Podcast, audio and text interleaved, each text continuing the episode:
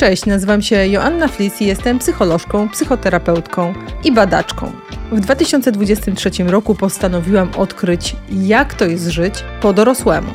Często bowiem lubimy myśleć, że dojrzałość jest dla nudziarzy, którym bliżej do kapci niż do ciekawego życia. Czasem wydaje nam się, że dojrzałość bierze się z wieku, a nie ze stanu umysłu. Ja uważam zupełnie inaczej i właśnie dlatego w drugiej serii podcastu Madame Monday przekonam Cię, że dorosłość zaczyna się, gdy odkrywasz, że życie rozczarowuje, a dojrzałość, gdy mimo to potrafisz przeżyć je dobrze. Przeżyjmy zatem je dobrze razem, po dorosłemu. Ten podcast powstaje dzięki patronom na Patronite, a mnie znajdziesz na Instagramie i na Facebooku pod hasłem psycholożka Joanna Flis. Cześć, dzień dobry, witam Was serdecznie w kolejnym odcinku podcastu Madame Monday po dorosłemu. To już jest jeden z ostatnich odcinków w tym roku. Ten rok y, upłynął nam pod hasłem właśnie dojrzałości i dorosłości. Dzisiaj stworzyłam dla Was odcinek o świętach i świątecznym stole i tym, co się przy tym świątecznym stole dzieje, w jakie gry rodzinne gramy i co możemy zrobić, żeby te święta były po prostu bardziej satysfakcjonujące i pełniejsze, wyjątkowe, cokolwiek to znaczy, bo każdy z nas ma przecież inną definicję wyjątkowości jak warto się na te święta nastawić. Mam też w dzisiejszym odcinku dla Was super gościnie. Tą gościnią jest Kasia Kucewicz, którą możecie znaleźć na Instagramie pod nazwą Psycholog na Insta. Jest psycholożką, psychoterapeutką, autorką książek i artykułów i podcastu Rozmowy nocą. Pisze też dla charakterów, jest stałą ekspertką w telewizji, a również autorką książki Kobiety, które czują za bardzo. E, Kasia Kucewicz w dzisiejszym odcinku usiądzie z nami do wigilijnego stołu i opowie trochę o tym, jak sama zmagała się z otyłością, jak przebiega redukcja, proces takiej zdrowotnej redukcji wagi, jak to robić mądrze, nie narażając się na zaburzenia odżywiania, ale też jak wspierać osoby, które są w tym procesie leczenia otyłości, otyłości jako choroby. Oczywiście siadłyśmy do świątecznego stołu, bo to świąteczny stół jest właśnie tym suto zastawionym miejscem, w którym możemy dostać dużo miłości, ale też dużo etykiet, ocen i niepotrzebnych rad. Zanim jednak przejdziemy do rozmowy z Kasią, ja dla Was zrobię taki mały wstęp o tym, jak przygotować się na święta i na co zrobić w sobie miejsce, żeby te święta były bardziej satysfakcjonujące.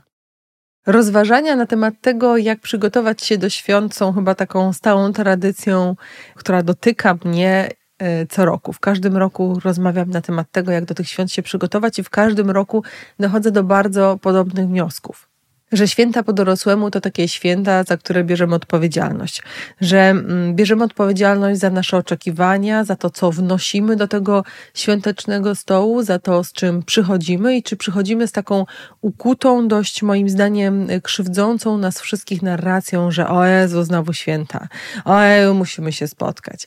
Ja myślę sobie, że jeżeli taka narracja jest punktem wyjścia do wspólnego spotykania się przy jakimś jednym suto zastawionym stole, to tego i tak nic dobrego nie wyjdzie. Jeżeli się uprzemy na to, że już na miesiąc przed świętami narzekamy na to, że one mają nadejść i jednocześnie pod spodem, mając głęboką nadzieję, że tym razem będzie inaczej, to nie będzie inaczej. Będzie dokładnie tak samo, bo my w każdym roku w taki sam sposób się do tych świąt nastrajamy, w taki sam sposób do tych świąt podchodzimy. No jak próbujemy upiec ciasto w ten sam sposób w każdym roku, to nie możemy oczekiwać różnych rezultatów i bardzo podobnie jest ze świętami.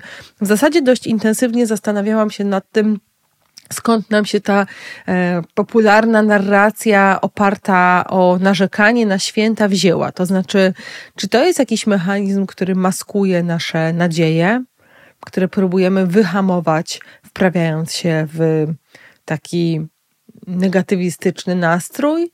Czy to jest coś, co trochę ukrywa nasze rozczarowanie albo przygotowuje nas na to rozczarowanie, czy po prostu jest nam tak strasznie trudno powiedzieć, że tęsknimy za bliskością albo za prawidłowymi relacjami z naszymi bliskimi, że wolimy udawać, że jesteśmy zmuszeni e, przez świat i przez innych przymuszeni do tego, żeby uczestniczyć w całej tej szopce i całym tym spektaklu i że w zasadzie nie jest to wyraz naszej wolnej woli.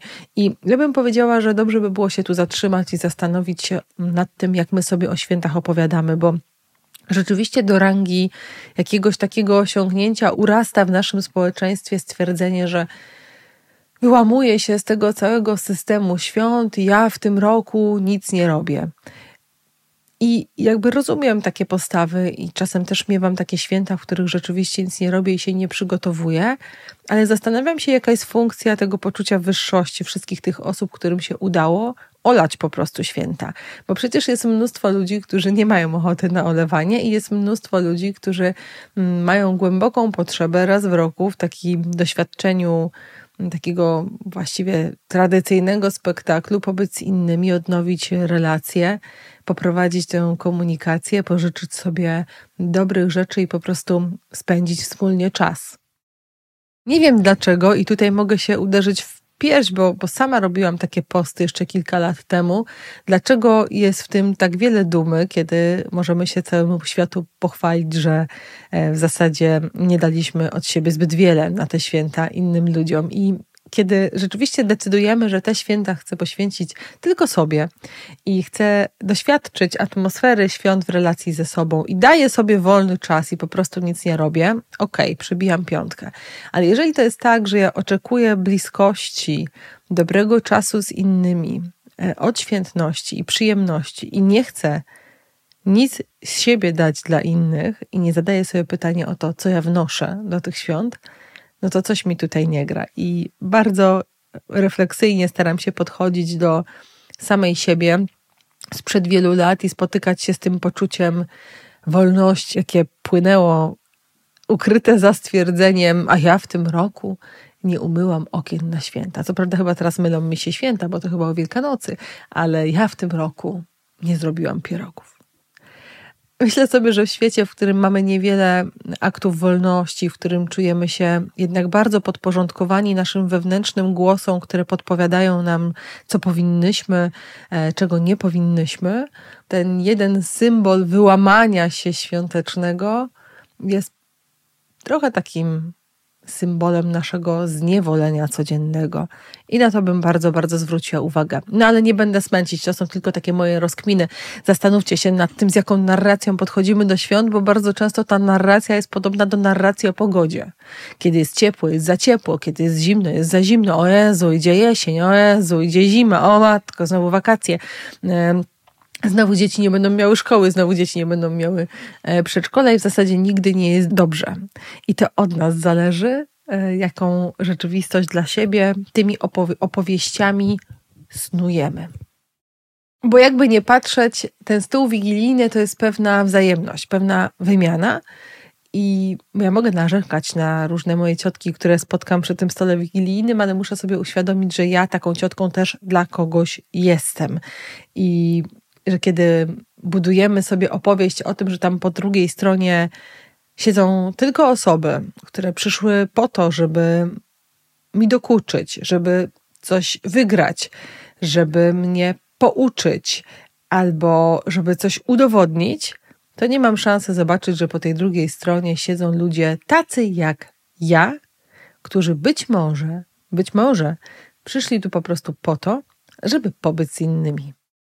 Ale żeby nie było tak różowo, po drugiej stronie barykady e, są jeszcze osoby, które rzeczywiście czują głęboką powinność utworzenia wyjątkowej atmosfery świąt dla wszystkich, które czują się delegowane do wzięcia odpowiedzialności e, za jakość świąt, które są papierkiem lakmusowym jakości naszej rodziny. I to jest pułapka, bo rzeczywiście część z nas w nią wpada, że jeżeli potrafimy spędzić wspólnie święta, tak się ładnie do tego stołu ubierzemy i tak zjemy tych 12 potraw, to jesteśmy taką wystarczająco dobrą rodziną. I wtedy rzeczywiście wszystkie ręce na pokład, wtedy rzeczywiście mm, cała energia związana z tym czasem wolnym i tym czasem też refleksji e, zużywana jest na głupoty, a tymi głupotami jest y, robienie tysiąca rzeczy, na które nie ma się ochoty, bo to jest punkt wyjścia. Nie tylko co ja w te święta mogę z siebie dać, ale też to, co ja czego ja w te święta chcę dla siebie doświadczyć, jest ważne. Ale ponieważ dzisiaj spotykamy się z Kasią i jeszcze siedzimy sobie razem przy tym wigilijnym stole, to ja Wam przypomnę takie badanie, które zostało przeprowadzone przez Kantar Public dla aplikacji Too Good To Go. E, I to badanie pokazało nam, jaki mamy problem z marnowaniem jedzenia w święta.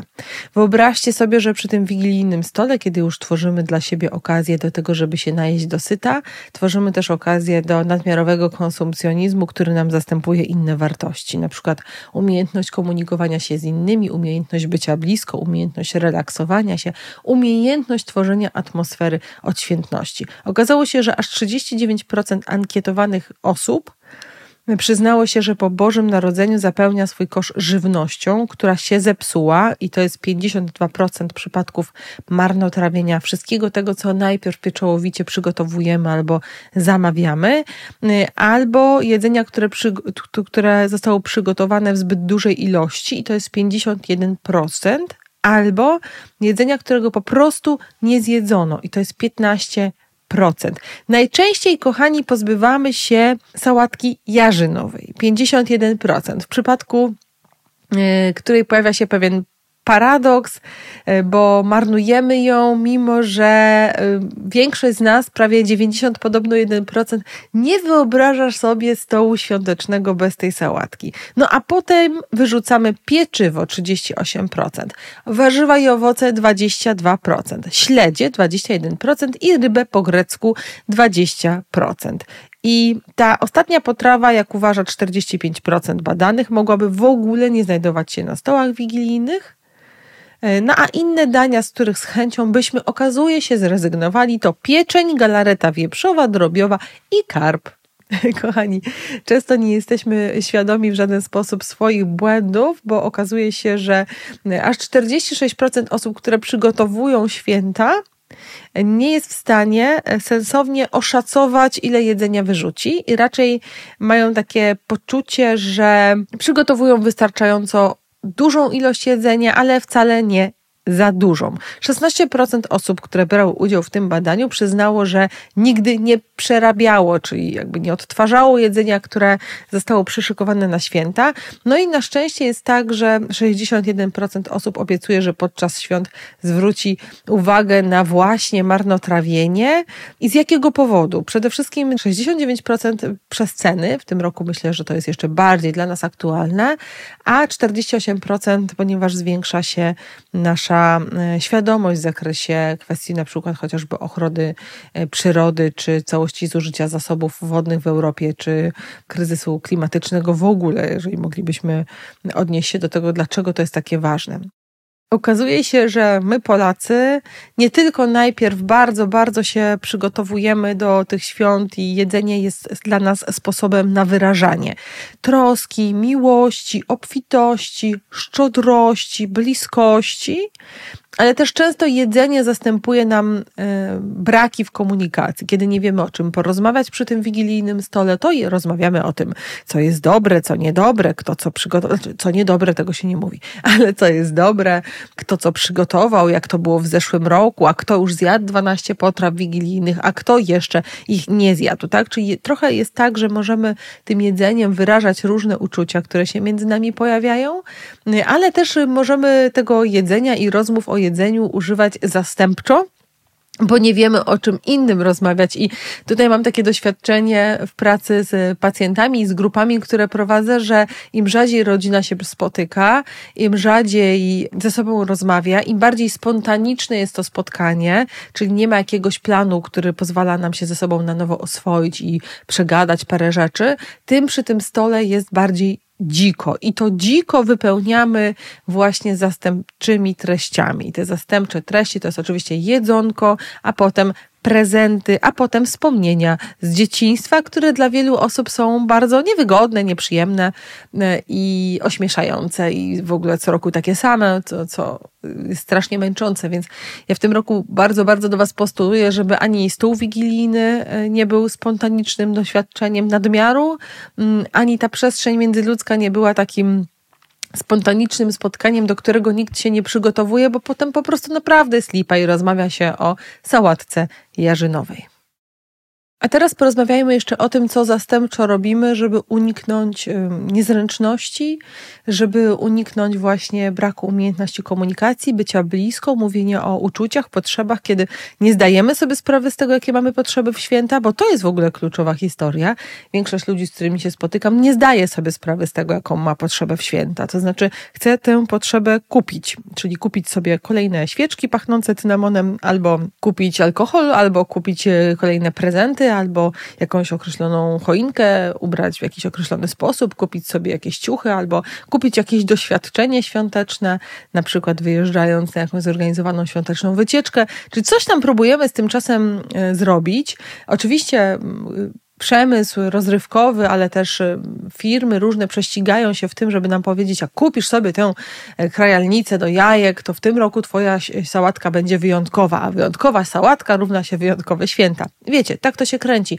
I my się trochę na to nabieramy, dlatego że rzeczywiście często w święta jesteśmy w kropce, bo po pierwsze nie rozumiemy tradycji, nie wiemy skąd się te święta brały, ale o tym już wam opowiadałam, jaką funkcję pełniły. A po drugie, rzeczywiście jest tak, że te funkcje, które kiedyś święta pełniły, spełniły, czyli kleju pewnego społecznego albo okoliczności do tego, żeby się najeść przed bardzo trudnym okresem e, wchodzenia e, w wiosnę i głodu i zimna i tak naprawdę mrozu, w tej chwili one już nie są aktualne.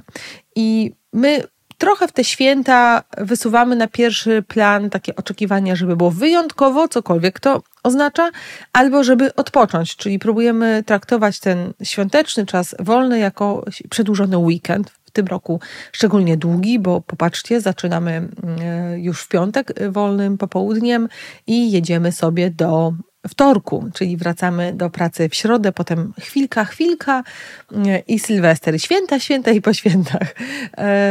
No tak, traktujemy to jako pewien czas wolny.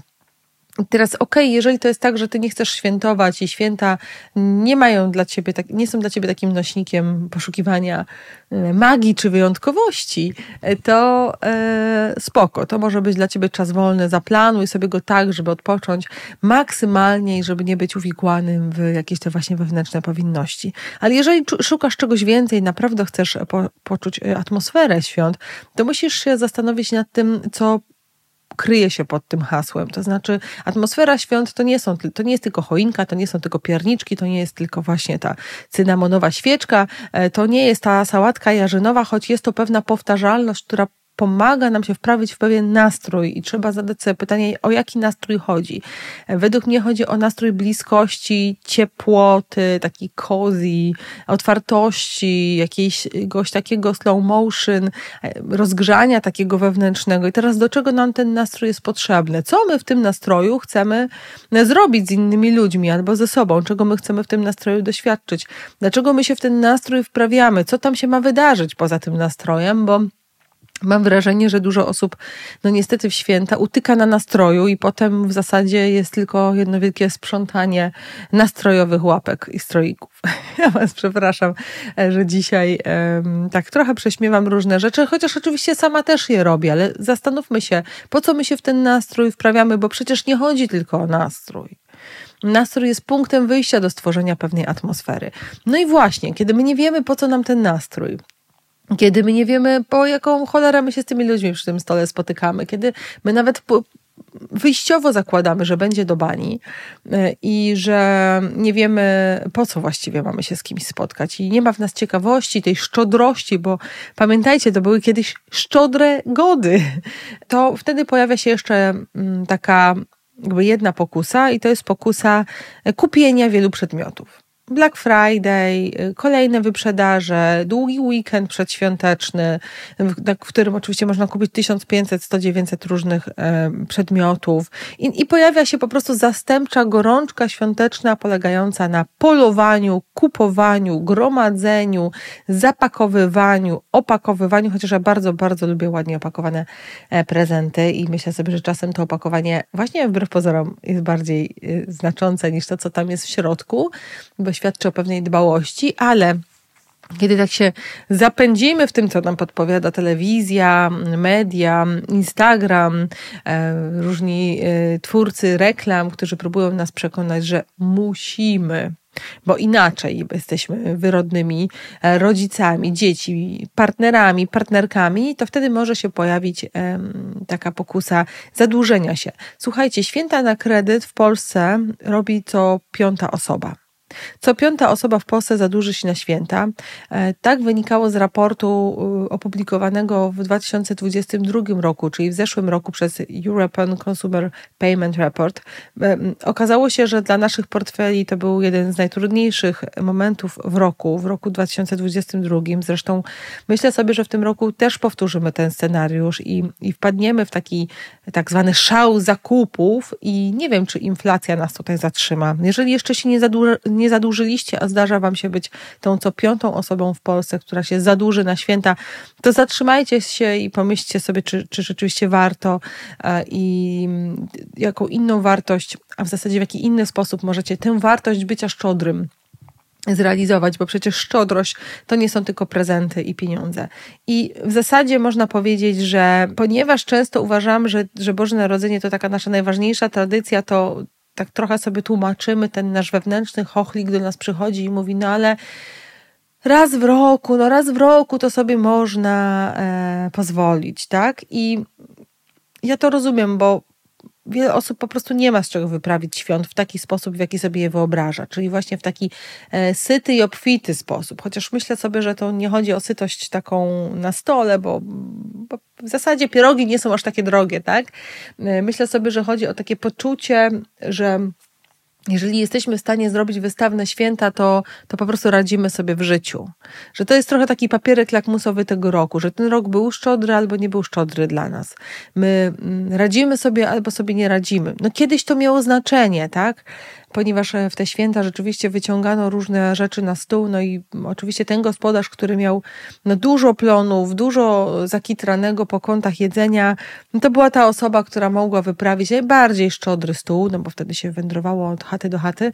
E, no i to świadczyło, tak? To świadczyło o zamożności gospodarza albo właśnie o jego umiejętności uprawiania pola jakiegoś takiego dbania o rodzinę. W tej chwili my nieświadomie powtarzamy ten wzorzec, czyli trochę ten nasz suto zastawiony stół i te nasze drogie prezenty pod choinką i różne rzeczy, które nam się przytrafiają, no one też są podświadomie, nie lubię tego słowa, ale podświadomie przez nas traktowane jako pewien wyznacznik e, mm, przynależności do tych osób, które w tym roku, którym w tym roku się powodzi albo się nie powodzi.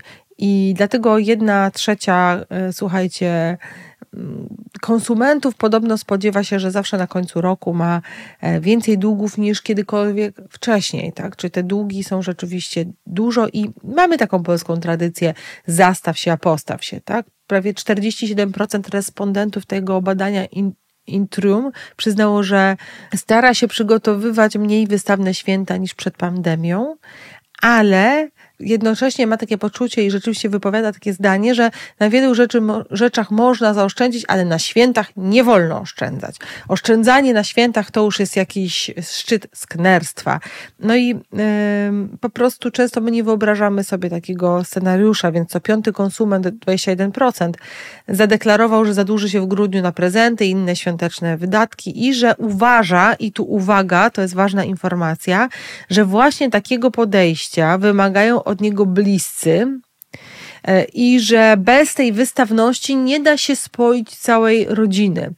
I takie podejście do świąt i do ta opresja, takiego e, wewnętrzna opresja, zinternalizowana gdzieś w nas, bo, bo, myślę, że ludzie nie wypowiadają do siebie takich zdań, mam nadzieję, ale zinternalizowana przez nas sprawia, że często w styczniu rodzimy się po pierwsze z finansowym kacem, a po drugie z totalnie nowymi długami. Pamiętajcie, że często zadłużają się ludzie, których kondycja finansowa już jest kiepska. I no niestety yy, najczęściej będą to rodzice. Tak siedmioro na dziesięcioro konsumentów będących rodzicami, czyli 70% deklaruje, że w ciągu ostatnich miesięcy przynajmniej raz pożyczyli pieniądze, by kupić coś swojemu dziecku bądź własnym dzieciom.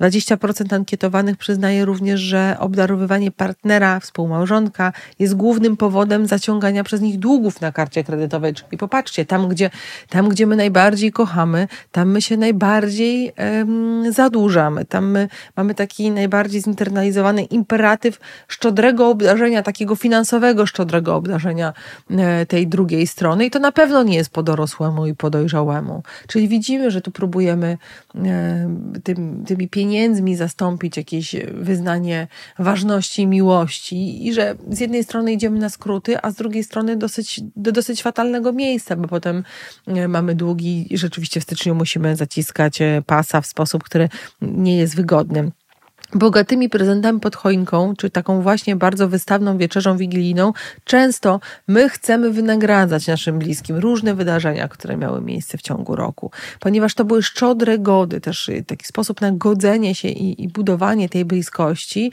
to my ten klej, który możemy uzyskać dzięki świętom, ten klej społeczny, związany z tym, że popędziemy razem, e, poświętujemy, powiemy sobie ważne rzeczy, być może się przeprosimy i sobie coś tam wzajemnie pożyczymy. My ten klej społeczny próbujemy zastąpić właśnie tym, tym bogactwem prezentów, bogactwem jedzenia na stole, bo to jest prostsze po prostu. Czasem to jest prostsze niż powiedzenie przepraszam. Czasem prost, prościej jest kupić dziecku taki prezent, żeby jak ono pójdzie do szkoły, to żeby mogło się pochwalić, że tak mamusia kocha. Znaczy tatuś, mamusia, oczywiście Mikołaj. E, natomiast e, znacie pewnie z własnego dzieciństwa, być może też z dzieciństwa w tej chwili własnych dzieci, bo niestety gdzie nigdzie się to jeszcze pojawia, te pytania o to, co dostałeś pod choinkę. Kto co dostał pod choinkę? Matko, kochano, jak pamiętam, jaki to był festiwal po prostu przeskakiwania się, kto dostał i, i ile i czego i więcej. I, I też e, znam to takie doświadczenie, kiedy rzeczywiście słuchasz, jak inni ludzie dostali nieprawdopodobne jakieś tam komputery Commodore, a ty tam, nie wiem, jeansy, jakieś yy, puzzle, yy, klocki. Choć ja akurat nie należałam do osób, które dostawały bardzo mało i byłabym yy, uczciwa, gdybym powiedziała, że nie dostawałam prezentów na święta, natomiast zawsze znajdował się ktoś, kto dostawał dużo, dużo więcej bardzo spektakularnych rzeczy i to y, budziło różne emocje. Więc y, po pierwsze, my próbujemy wynagrodzić, y, no i po drugie, to mm, próbujemy tą rodzinę jakoś tak skleić, tak? Czyli próbujemy tą rodzinę jakoś tak e, wzmocnić, próbujemy też tej rodzinie pokazać, że sobie świetnie radzimy z sytuacją e, finansową, w której się w tej chwili wszyscy znajdujemy.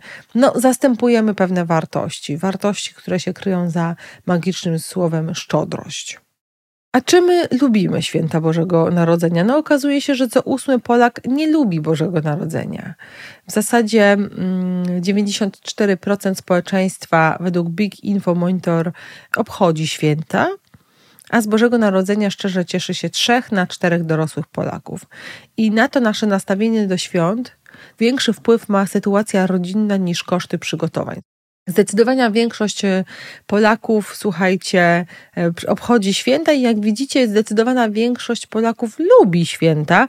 Więc pytanie, od którego zaczęłam dzisiejszy podcast, skąd nam się wzięły takie narracje?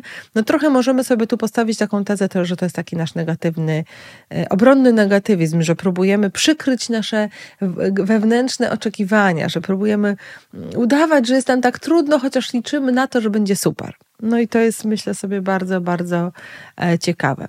Według badania ARC Rynek i Opinia, które zostało wykonane na zlecenie Biura Informacji Gospodarczej, e, okazuje się, że grudniowe święta e, są nam zawsze bliższe niż Wielkanoc i że 12% osób uważa, że one są im obojętne, a 12% ich nie lubi. To daje tylko 24% osób, które rzeczywiście jakoś tak z tymi świętami mają nie za bardzo bardzo po drodze.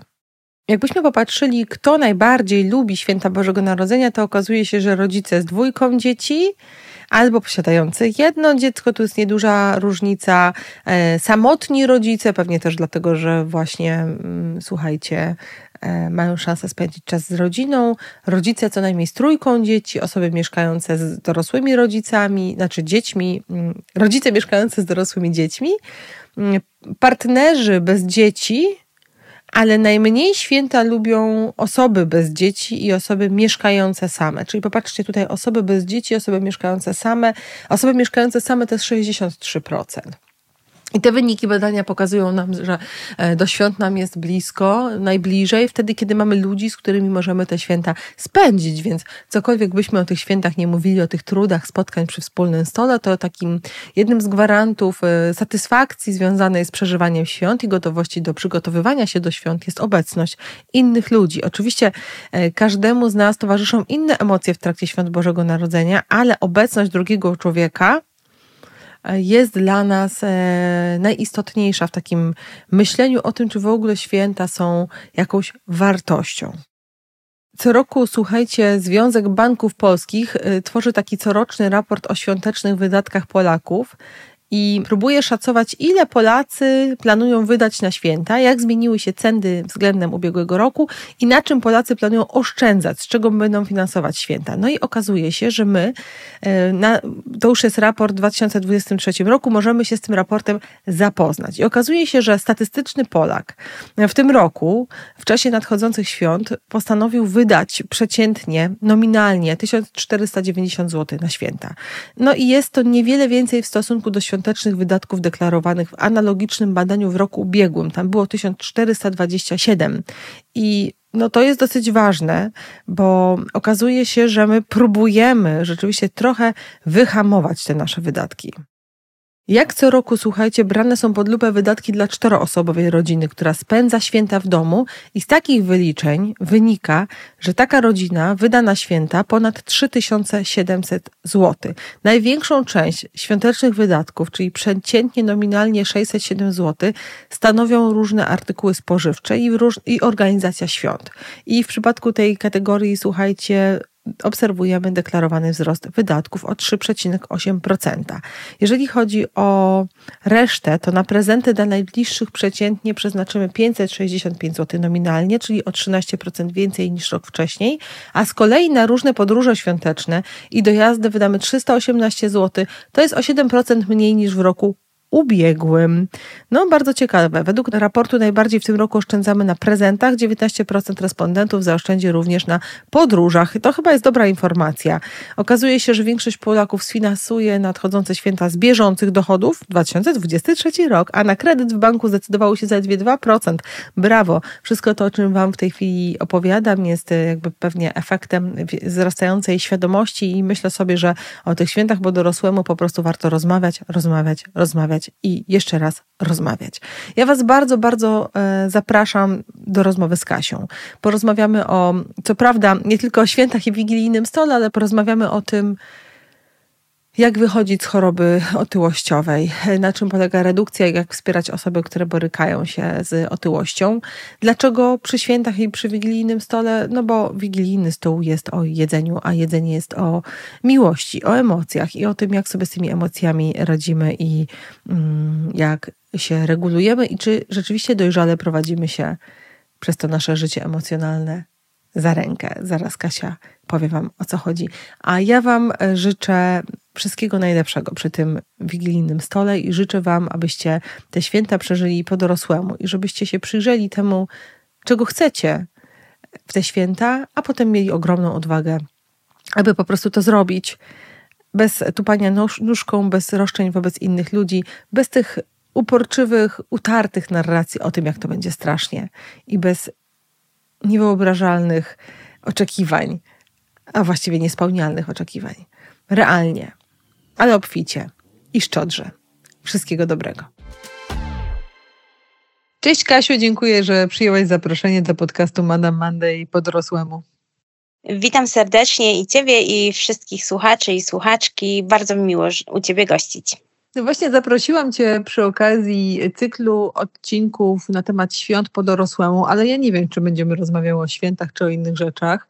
A w zasadzie zaprosiłam Cię przy okazji książki, do której się szykujesz, bo w marcu wychodzi e, Twoja nowa książka, która jest trochę związana z kulturą diet, trochę związana z radzeniem sobie z odwagą, e, odwagą również, ale z otyłością, nadwagą, e, bo chciałabym z Tobą o tym porozmawiać, o tym, jak wspierać osoby, które są w procesie redukcji wagi i jak to robić mądrze. Też wyczytałam na Twoim Instagramie, że bardzo lubisz samodyscyplinę, więc witam w klubie, którzy lubią to doświadczenie. Powiedz trochę coś więcej na temat książki, do której się szykujesz, znaczy do której wydania się szykujesz. Książka e, Waga z głowy jest e, jedną z części takiego projektu, który, e, który od jakiegoś czasu już tworzę. Projekt właśnie pod tytułem Waga z głowy, który mm, kładzie nacisk na psychologiczny aspekt redukcji wagi. Kładzie nacisk na to, że mm, redukcja, mm, czy potocznie mówiąc, choć tak się nie mówi, odchudzanie, to nie tylko kwestia upiększania swojego ciała, czy nawet dbania o swoje zdrowie fizyczne, ale to też proces mentalny, to też bardzo głęboka praca wewnętrzna. I ja staram się pokazywać, jak przez tę pracę przejść, e, jak tę pracę wykonać tak, żeby się udało i żeby po drodze, czyli żeby się udało, czyli żeby wyjść z choroby otyłościowej, ale po drodze też nie złapać e, krążących e, wokół jak sępy zaburzeń odżywiania. To jest wbrew pozorom bardzo łatwe, tak przeskoczyć ze skrajności w skrajność. Więc więc Waga z głowy to będzie e, książka tak naprawdę o tym, w jaki sposób poukładać swoją relację z jedzeniem, swoją relację z ciałem, e, tak żeby chudnąć z taką troską e, o siebie, z takim współczuciem do samego siebie, no nie zapominając, tak jak powiedziałaś, o moim ulubionym słowie i twoim ulubionym przez ciebie słowie, czyli o dyscyplinie wewnętrznej.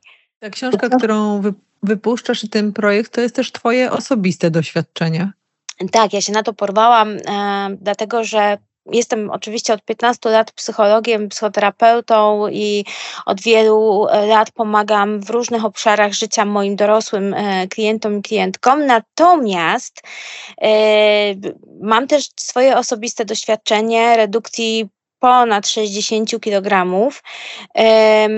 i takiej, takiej redukcji, która trwała dwa lata, która była okresem takiej takiej dużej transformacji osobistej, wewnętrznej, na tyle dużej, że uznałam, że warto by było dzielić się, podzielić się tym, co, do czego doszłam, co zrozumiałam, jakie błędy popełniłam, a jakie, jakich udało mi się uniknąć, co mnie wspierało pomyślałam, że warto się tym podzielić, nie zostawiać tego dla siebie, no bo to jest y, bardzo ważna kwestia. Dostawałam masę pytań. W zasadzie ta moja redukcja przez ten cały okres jej trwania była tematem wielu dyskusji na moim Instagramie, wielu wiadomości, jak ty to robisz, co ty robisz, co ty bierzesz, czego nie bierzesz, mm-hmm. na, na jakiej jesteś diecie, więc uznałam, że, że muszę zacząć mówić o tym, e, jak, jak do tego doszłam i że wcale nie były to spektakularne e, jakieś diety cud, ani nic takiego, tylko po prostu e, dobrze dobrane leczenie, no i zmiana mentalna.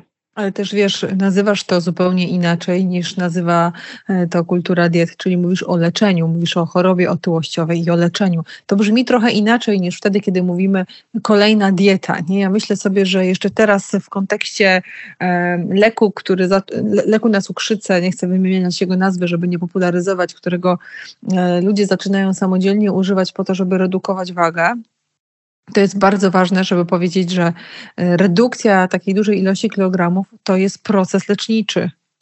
E, tak, bo e, rzeczywiście jakby leczenie otyłości e, dzisiaj przeżywa swoisty renesans. O tym też mówi jedna z gości mojej książki, e, e, profesor Jeznach Steinhagen. Mówi o tym, że no to jest absolutna rewolucja, bo faktycznie te zastrzyki semiglutyd i reaglutyd to są analogi, które zrewolucjonizowały i pozwoliły wielu osobom pozwalają rozpocząć proces redukcji. Natomiast, tak jak powiedziałaś, często ludzie biorą te zastrzyki, e, mając do zrzucenia 2 kg, e, albo będąc w normie BMI, e, albo biorą te zastrzyki, e, nie wprowadzając, e, na przykład mając otyłość, ale nie wprowadzając żadnych dodatkowych zmian i dziwią się, że te zastrzyki nie działają. E, mimo, że to leczenie rzeczywiście zastrzykami jest bardzo skuteczne i ta farmakoterapia jest teraz tymi najnowszymi lekami już tak mówi się, że tak skuteczna jak nawet bariatria, no to jednak e, tak jak w przypadku bariatrii, trzeba zmienić swoje podejście, trzeba zmienić swoje nastawienie, bo e, jak się tego nie zrobi, no to żadne cuda, żadne różdżki nie istnieją i nam nie pomogą. Ale faktycznie nierzadko tak jest, że z tymi lekami jest duży problem, właśnie dlatego, że wykupują je osoby, które tak naprawdę nie mają do, nie muszą leczyć E, choroby otyłościowej e, i raczej chcą po prostu siebie upiększyć. No, oczywiście no, to jest kwestia lekarzy, moralności lekarzy, którzy to przypisują, no i e, natomiast, natomiast no, często cierpią na tym pacjenci, bo nierzadko te leki są też lekami, które wspierają ludzi z cukrzycą i kiedy ich brakuje, no to trzeba robić wycieczki po całej Polsce, żeby znaleźć te peny i żeby móc je kupić.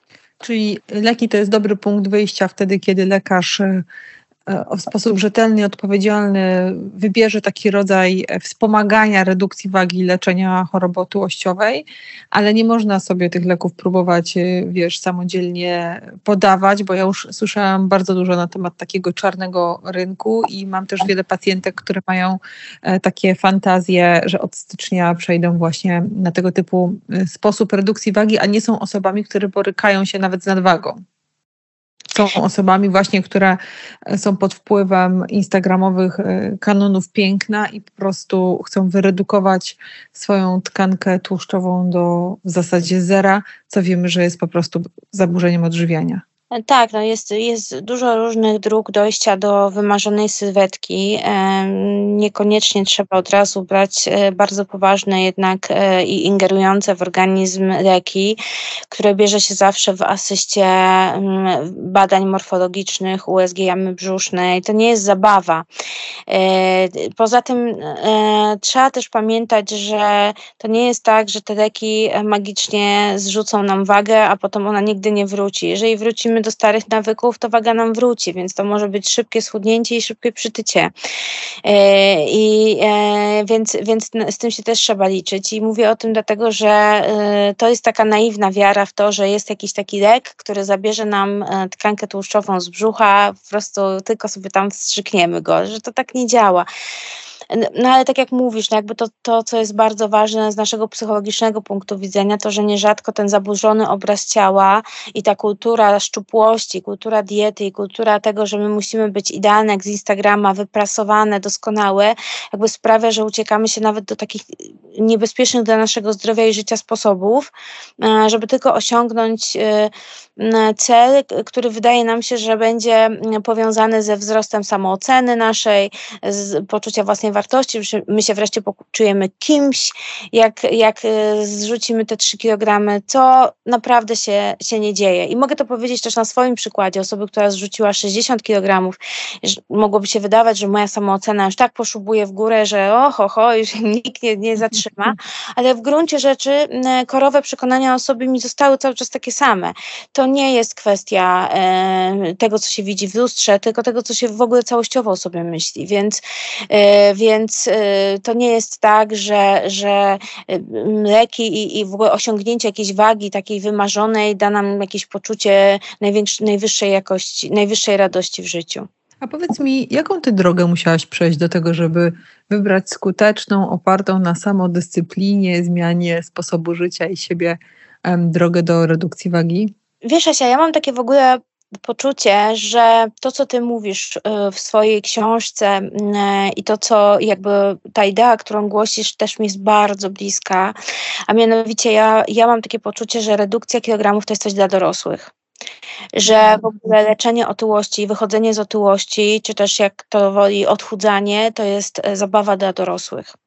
E, to e, dla dorosłych to znaczy dla osób, które są świadome, że będą kłody pod nogami, które są świadome tego, że mogą być upadki, że może nie być różowo, które są w stanie wytrzymać pewne chwilowe niewygody, które są w stanie zaopiekować się tym swoim wewnętrznym dzieckiem, ale nie w taki sposób, że idąc za nim prosto w wiesz, w bagno, tylko mhm. raczej e, łapiąc je życzliwie za rękę i mówiąc stój, jakby stop, tu musimy się zatrzymać, tutaj nie możemy pójść, widzę, że jest ci smutno. To jest taki dialog wewnętrzny, jaki ja prowadziłam. Tak, tak. Widzę, że bardzo chcesz zjeść, widzę, Kasia, że masz ochotę na te pierniki, na tego sękacza, na, na tego makowca, widzę, ale nie jesz tego.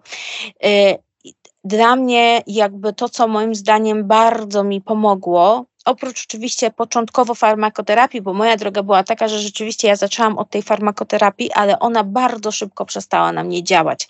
Ona na mnie rewelacyjnie działała przez kilka miesięcy, a potem nagle po prostu zwrócił mi apetyt. Mogłam sobie równie dobrze wstrzykiwać wodę z kranu i byłby ten sam efekt. Po prostu przestało, przestałam reagować. Ale wiedziałam już, że, e, że zrobiłam pierwszy krok, że zrzuciłam te pierwsze kilkanaście kilo i nie mogę się zatrzymać i chcę iść dalej. I żeby pójść dalej, to powiedziałam sobie, no muszę po prostu podejść do tego jak dorosła babka. E, muszę być dorosła, muszę być już duża. E, I już duża to nie znaczy taka dla siebie surowa, e, ordynarna, ostra, krytyczna, e, fat-shamingująca, trolująca. Nie. Dorosła to znaczy życzliwa, życzliwa ale stanowcza. Życzliwa, ale mhm. konsekwentna. I ja bardzo mówiłam do siebie często, Kasia, bardzo mi przykro, widzę, że cierpisz, zabier zabiorę cię stąd, ale nie, nie dam ci, nie jemy tych lodów, nie, nie jemy tych słodyczy. I, I czasami moje wewnętrzne dziecko płakało, wyło, łkało, wkurzało się i mówiło na przykład, ja mówiłam, tak, w, w tym trybie wewnętrznego mm -hmm. dziecka mówiłam, tak, tak. mówiłam, to jest niesprawiedliwie, niesprawiedliwe, dlaczego, dlaczego wszyscy jedzą lody, tylko nie ja, dlaczego wszyscy jedzą pizzę, a ja czemu niby ja nie mogę, a co ja jestem, przecież jestem ładną laską plus size, tak jakby starałam się, mm. kłóciłam się ze sobą, ale wtedy e, uruchamiałam bardzo silnie ten głos dorosły, który mówił, bo sobie obiecałaś. I nawet nie wchodziłam specjalnie w dyskusję ze sobą, w jakąś polemikę, tylko mówiłam, Kasia, obiecałaś sobie, dotrzymuj słowa, bądź e, konsekwentna w moim poczuciu, ja to prawie na każdej stronie mojej książki powtarzam, nie chodzi o motywację, chodzi o konsekwencje. Jakby motywacja to jest jedno, ona jest bardzo ważna i oczywiście ją trzeba tam pielęgnować, ale ona może na, na nas spaść o każdej porze dnia i nocy. Natomiast to, co jest dorosłe, to jest właśnie konsekwencja i to, że no jak sobie obiecałaś, to po prostu idziesz. Przewróciłaś się, to nie mówisz, ok, to ja wychodzę z wyścigu, tylko mówisz, że przewróciłam się, otrzymuję sukienkę, otrzymuję buty i idę dalej. Okej, okay, czyli mówisz o, wiesz, takiej umowie ze sobą, którą zawierasz i którą traktujesz poważnie, a ja sobie też myślę o tym, że e, w ogóle siebie traktujemy poważnie i słowa dane sobie, bo my mamy taką, taką skłonność do tego, żeby zawierać samemu ze sobą bardzo dużo różnych umów, i potem kompletnie ich nie dotrzymywać. I czasami to przypomina relacje z rodzicami, e, którzy w dysfunkcyjnym domu e, tak. e, wychowywali dzieci, bo myślę sobie, że w ogóle w dysfunkcyjnym domu i środowisku te słowa dane dzieciom nie mają żadnej mocy często.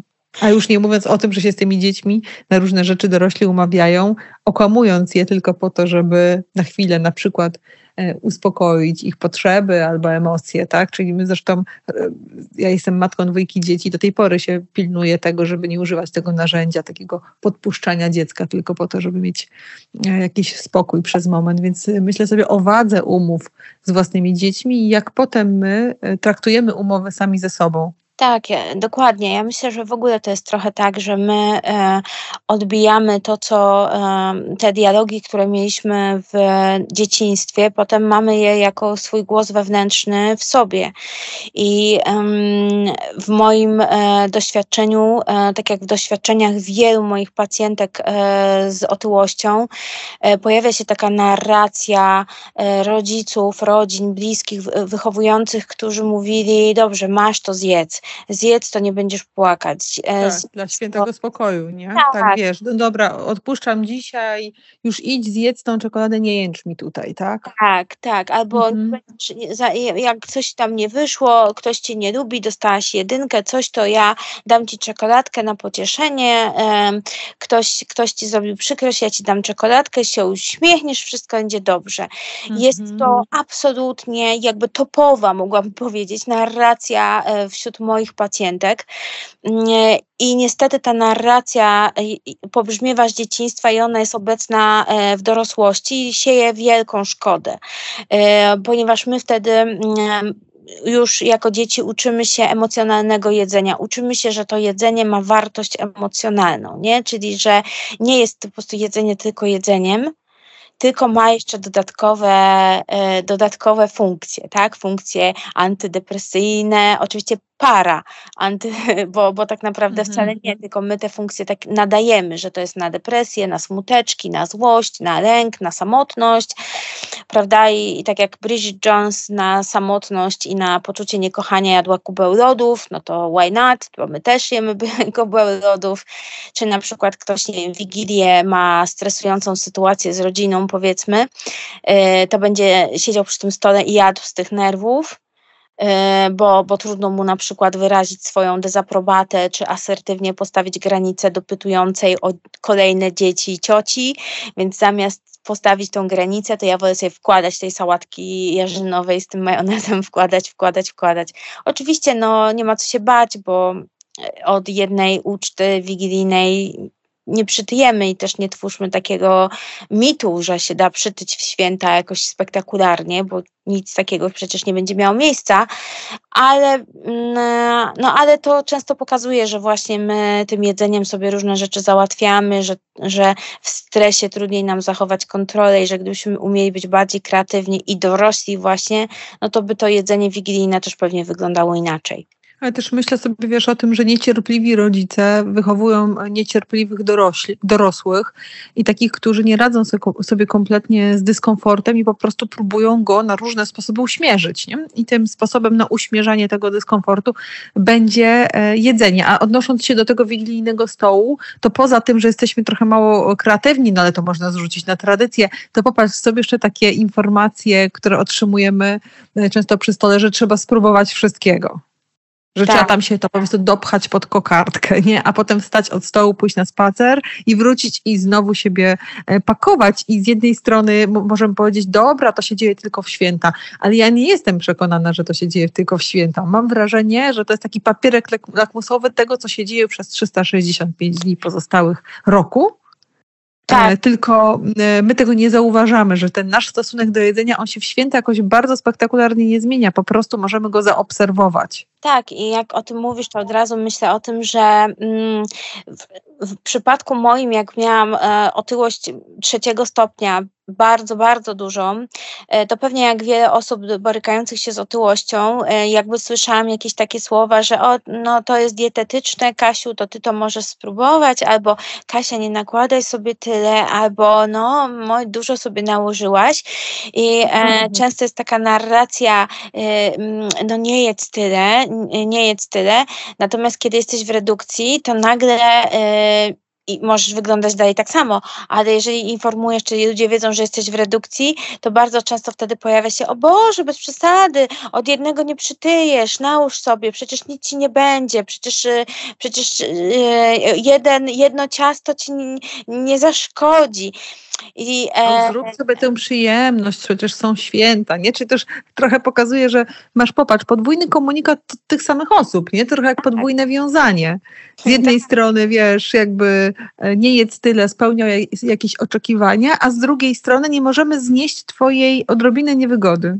Tak, i to jest, e, ja myślę, że to jest w ogóle globalny problem ludzi z osobami z otyłością, że, my, że ludzie kochają pouczać i że osoby z otyłością są gdzieś takim wdzięcznym e, materiałem do pouczania, e, do dawania dobrych rad, bo e, wiele szczupłych osób, nie chcia, chciałam powiedzieć każda, ale nie będę generalizować, ale wiele szczupłych osób ma poczucie, że wie lepiej i że może się swoją wiedzą tajemną poradzić z osobą plus size, która pewnie nie wie, że musi być w deficycie i ruszać się, tak, żeby, żeby chudnąć.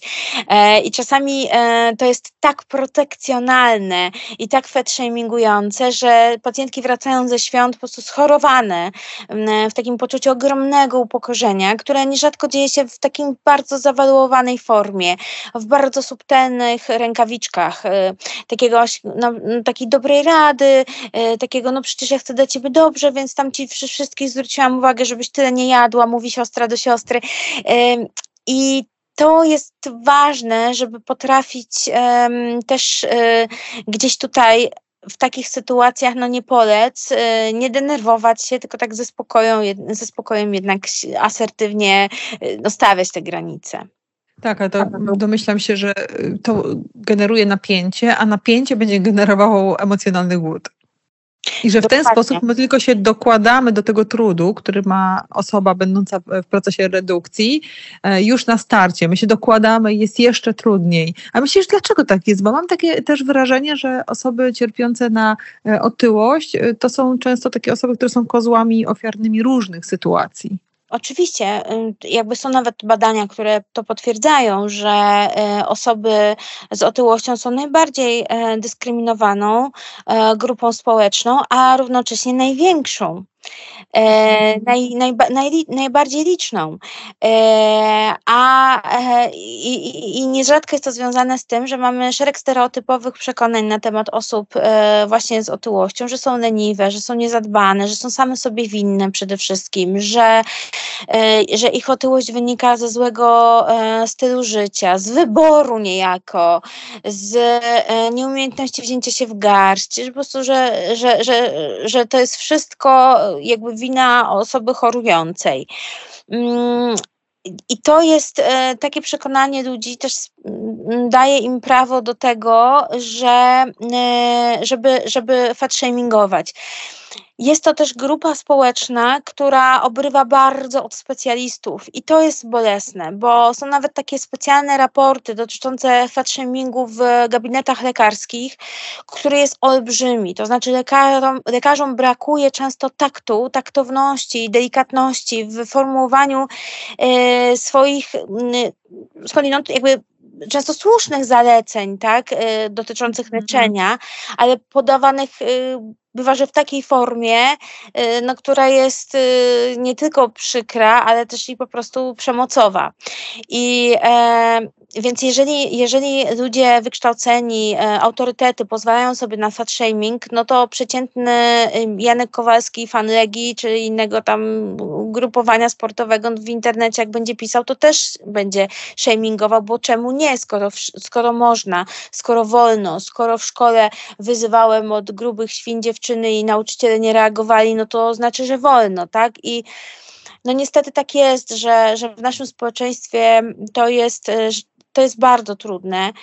W moim poczuciu, ja mam wrażenie, że na Zachodzie to się bardzo zmienia i że i wśród bardzo młodych osób się to zmienia, że dzisiaj e, no e, jakby mm, body shaming e, jest, e, jest po prostu obciachem, jest, jest, jest żenującą postawą e, w tych młodszych pokoleniach. Natomiast moje pokolenie, czyli milenialsi, no to a i owszem, to tutaj się zdarzają non-stop teksty. Ja sama też tego doświadczam e, i doświadczałam.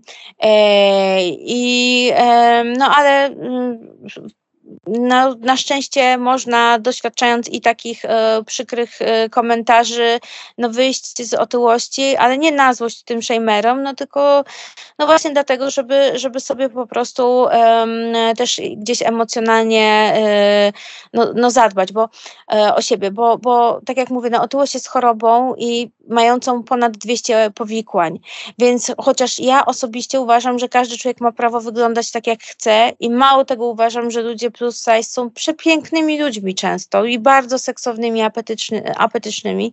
Niemniej, jeżeli ktoś ma potrzebę chudnięcia i zadbania o swoje zdrowie, no bo zdrowie w którymś momencie będzie nam wysiadało, jak mamy otyłość, po prostu no nie ma zmiłuj, no to, mhm. to powinien mieć dobre warunki, żeby to robić. A jakie to są te dobre warunki? Jak my możemy w takim razie wspierać osoby leczące się z otyłości, albo kiedy jesteśmy sami osobami leczącymi się z otyłości, czego, to, co możemy wyartykułować naszym bliskim, żeby nas wspierali, w jaki sposób mogą nas wspierać? Bo myślę sobie, że tu jest potrzebna komunikacja pomiędzy osobami, oczywiście nie do każdego natrafi, ale pomiędzy osobami, które chcą wspierać i tymi, które potrzebują być wspierane.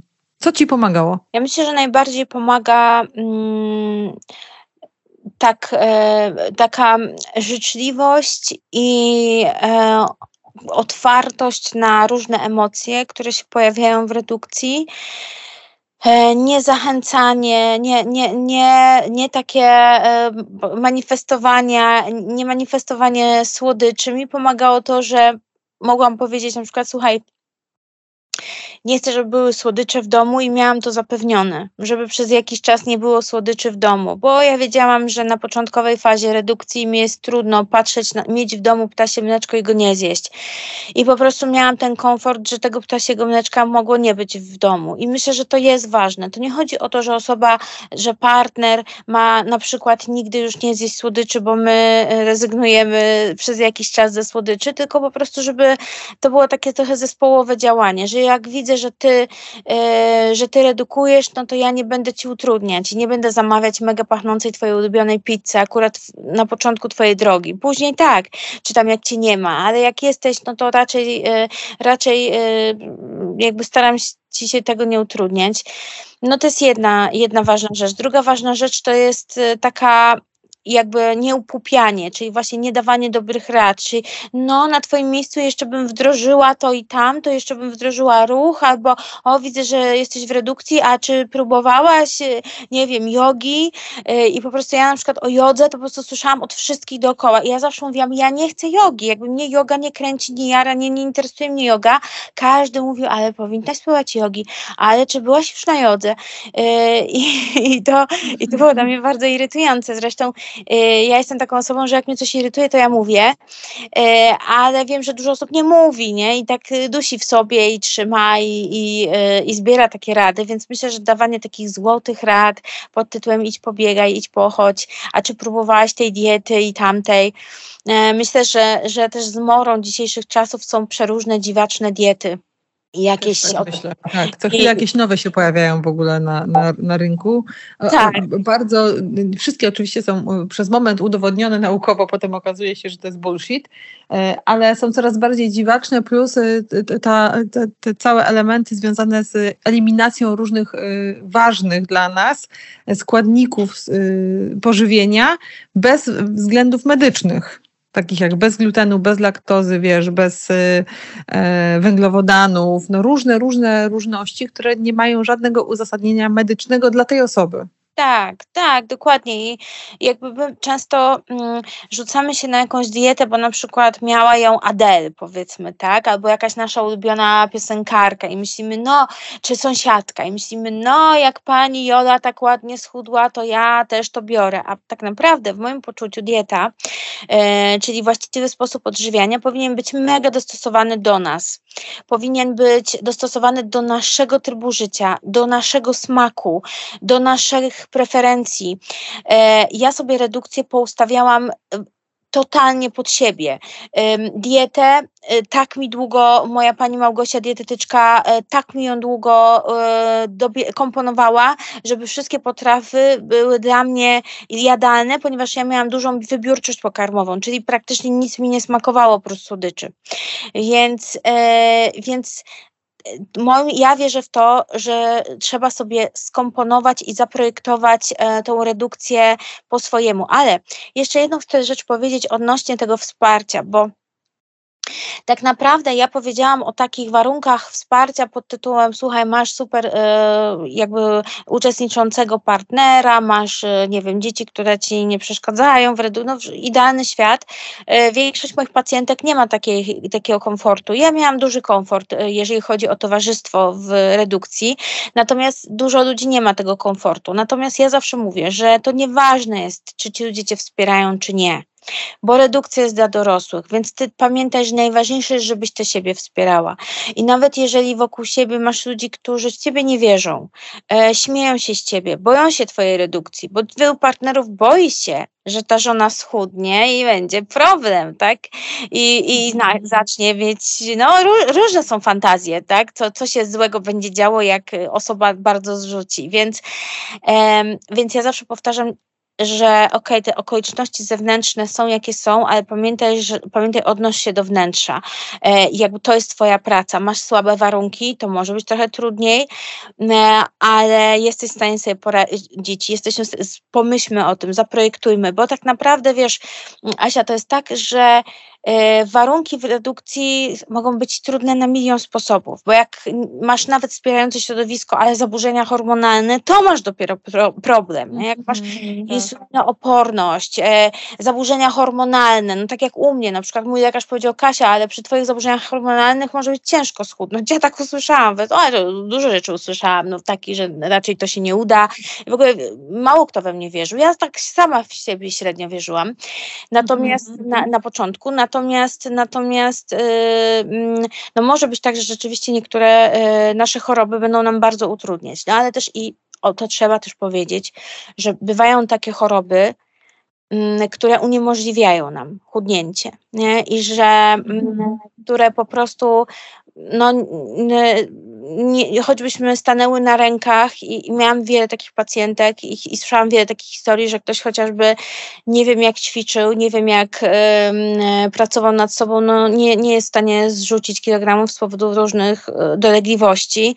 Y, dlatego właśnie ta walka z fat shamingiem wydaje mi się taka ważna i ja bardzo głęboko, mimo że sama jakby wyszłam z otyłości, bardzo chylę czoła przed ruchami body positive, E, ponieważ uważam, że one robią wiele dobrego właśnie dla tych dziewczyn, zwłaszcza czy chłopaków, którzy po prostu z przyczyn swoich dolegliwości no, nie są w stanie zrzucić tych kilogramów.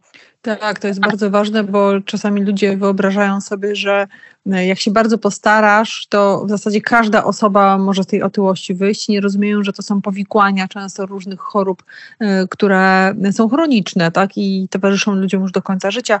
A powiedz, Kasiu, e, jak ty się zapatrujesz na takie komentowanie procesu redukcji, nie? Bo to też jest takie charakterystyczne i częste. Czy to jest wspierające, czy nie? Z, z twojej perspektywy, jak ci ktoś mówi, wow, ale schudłaś, nie? Ale super teraz wygląda nie? Bo ja mam mieszane uczucia co do e, tej formy komentarzy. To jest tak, że mm, z jednej strony jest to na pewno y, wspierające i bardzo y, miłe, ponieważ y, redukcja jest bardzo ciężką pracą i kiedy to, ktoś tą pracę docenia i, zau, i zauważa, no to jest to na pewno przyjemne y, usłyszeć, że ktoś jakby widzi, docenia, docenia ten trud.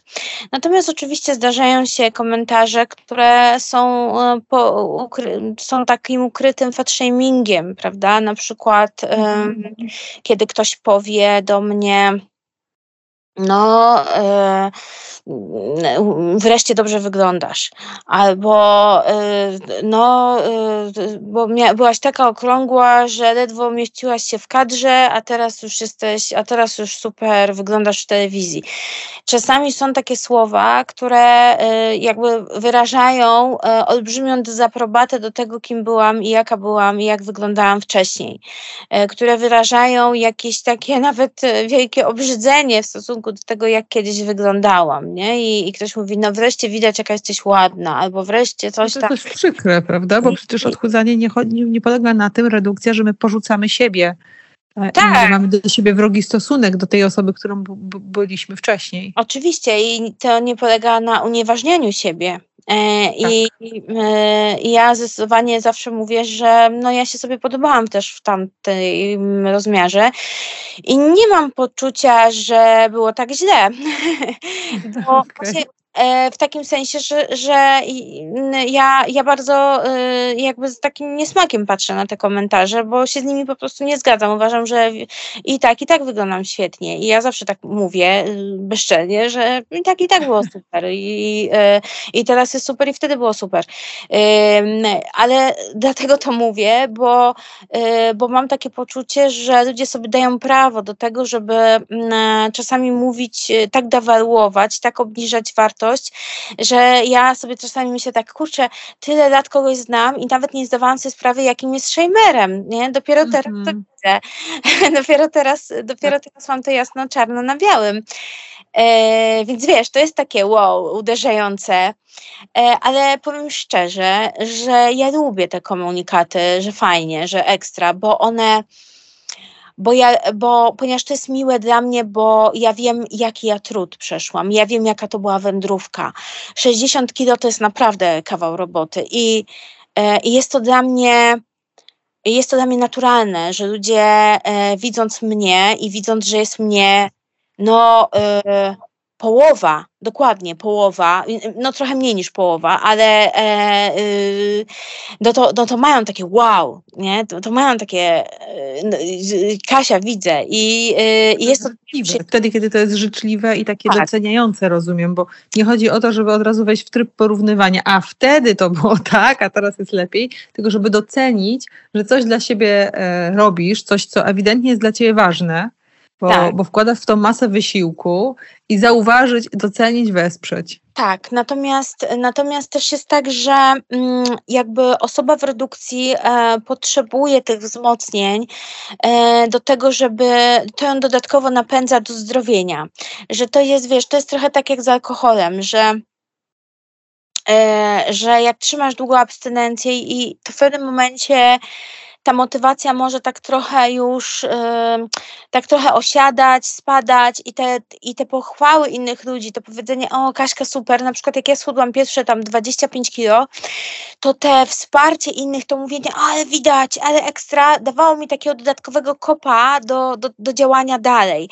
E, zwłaszcza w takich chwilach, kiedy już zaczynała mi opadać motywacja, nie? Kiedy, zaczęła mi, kiedy zaczynała mi tak trochę już e, słabnąć siła, e, no bo wiadomo, że to po, po nie wiem, 30-40 kilogramach to już miałam po prostu takie poczucie zmęczenia materiału e, mm. i wtedy właśnie te miłe słowa mi bardzo pomagały. Ale też zauważam, że moje pacjentki, które e, już wyszły z e, redukcji i sama też po sobie to widzę, w pewnym momencie jest tak, że już nikt ci nie mówi, że ekstra, bo już wszyscy się przyzwyczaili do ciebie takiej szczupłej, nie? Czy szczuplejszej. Mm. I już nikt ci nie mówi, wow! Bo ja kiedyś miałam tak, że tak pacjentki też opowiadam, ja, ja mówię o sobie, dlatego że nie lubię zawsze anegdotyzować pacjentów, ale ale, ale to jest tak wow, wow, wow, ale super. I, i tu wchodzisz i jesteś, i jesteś już przyzwyczajona, że wszyscy robią wow na twój widok, nie? I nagle tego nie ma. No bo już się wszyscy mm -hmm. no ile mhm. można, nie? No już, no po prostu wiemy, no schudłano już, no.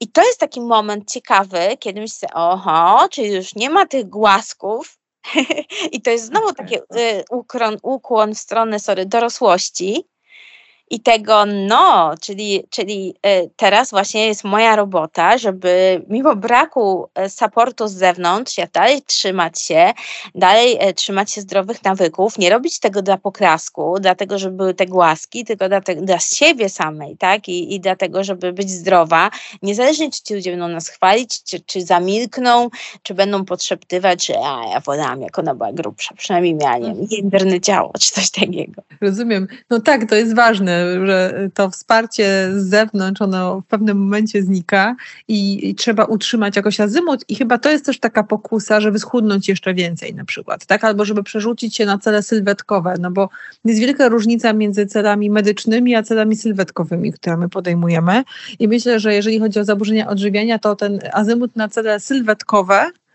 i koncentracja na tej akceptacji, nawet może aprobacie bardziej społecznej, to są te manowce, na które można skręcić bardzo szybciutko. Tak, y, zwłaszcza, że jakby nie trudno jest y, naprawdę nabawić się zaburzeń odżywiania, y, będąc w redukcji, ponieważ zaburzenia odżywiania przeważnie dotyczą czy oscylują wokół kontroli.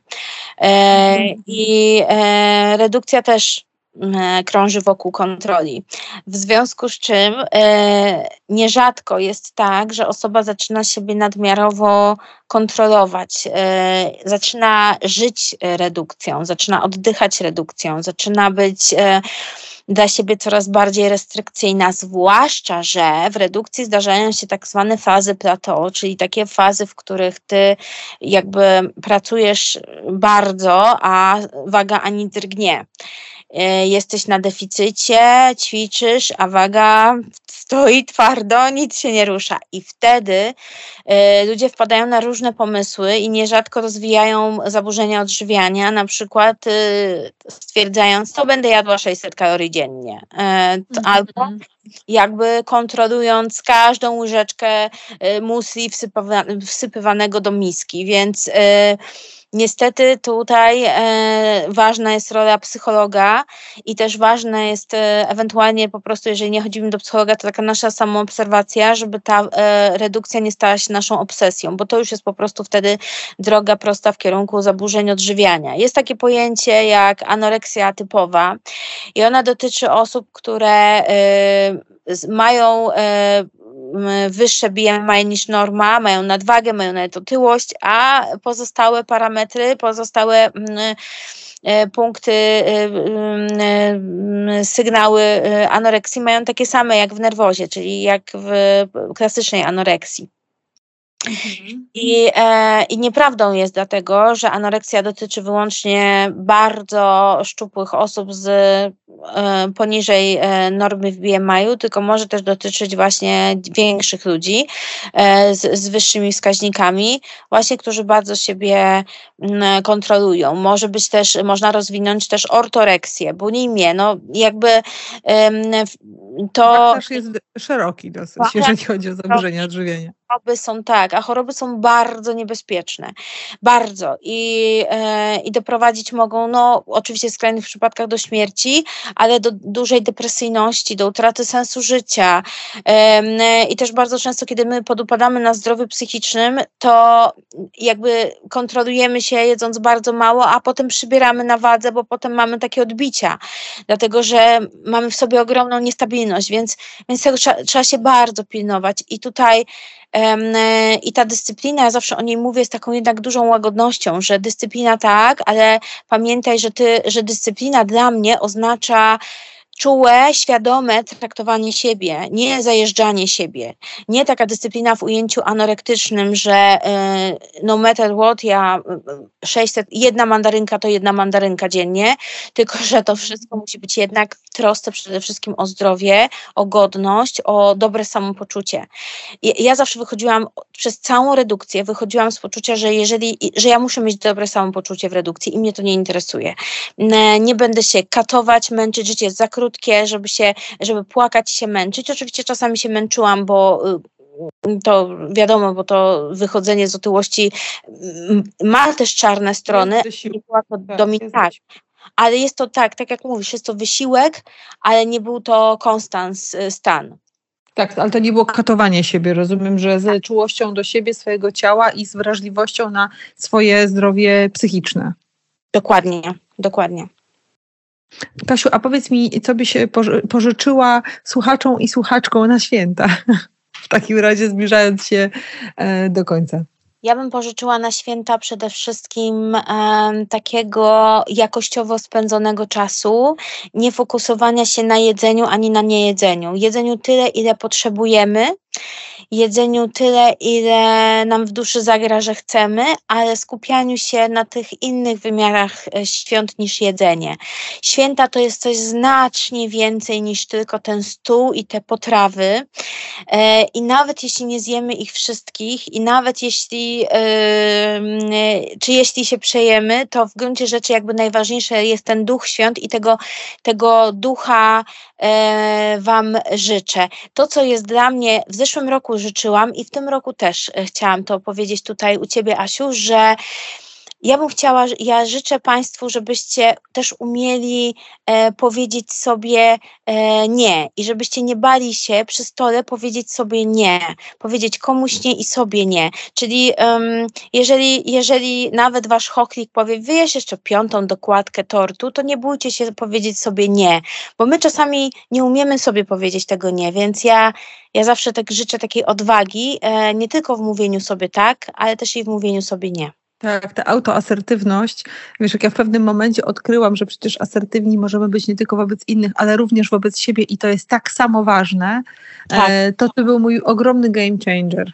Tak, mój też. Dla mnie to jest absolutnie podstawa w ogóle redukcji. To jest właśnie autoasertywność, taka umiejętność postawienia sobie granicy. Dokładnie. Bardzo Ci dziękuję za Twoje doświadczenie i za to, że wnosisz tutaj trochę światło w ten obszar związany z redukcją, że masz takie e, mądre i dojrzałe podejście, bo bardzo często, wiesz, kiedy jakieś rolki przeglądam na Instagramie, to z takim przerażeniem widzę, te opowieści o tym, że łyżka masła orzechowego może być i taka duża, i taka mała, i jeżeli chcesz schudnąć, to nie możesz sobie na większą pozwolić. Po prostu wyśrubuj te standardy postępowania ze sobą do takiego miejsca, w którym już się nie da oddychać. I w ogóle samo mówienie o tym, że możesz lubić swoje ciało bez względu na to, w jakim ono było rozmiarze, z szacunkiem do tego też, kim byłaś, kiedy decydowałaś inaczej i z szacunkiem do tego, kim jesteś, kiedy zdecydowałaś inaczej, jest bardzo, bardzo potrzebne.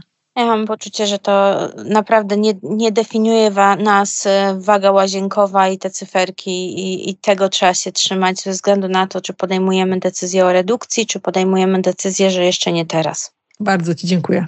Dzięki Asiu.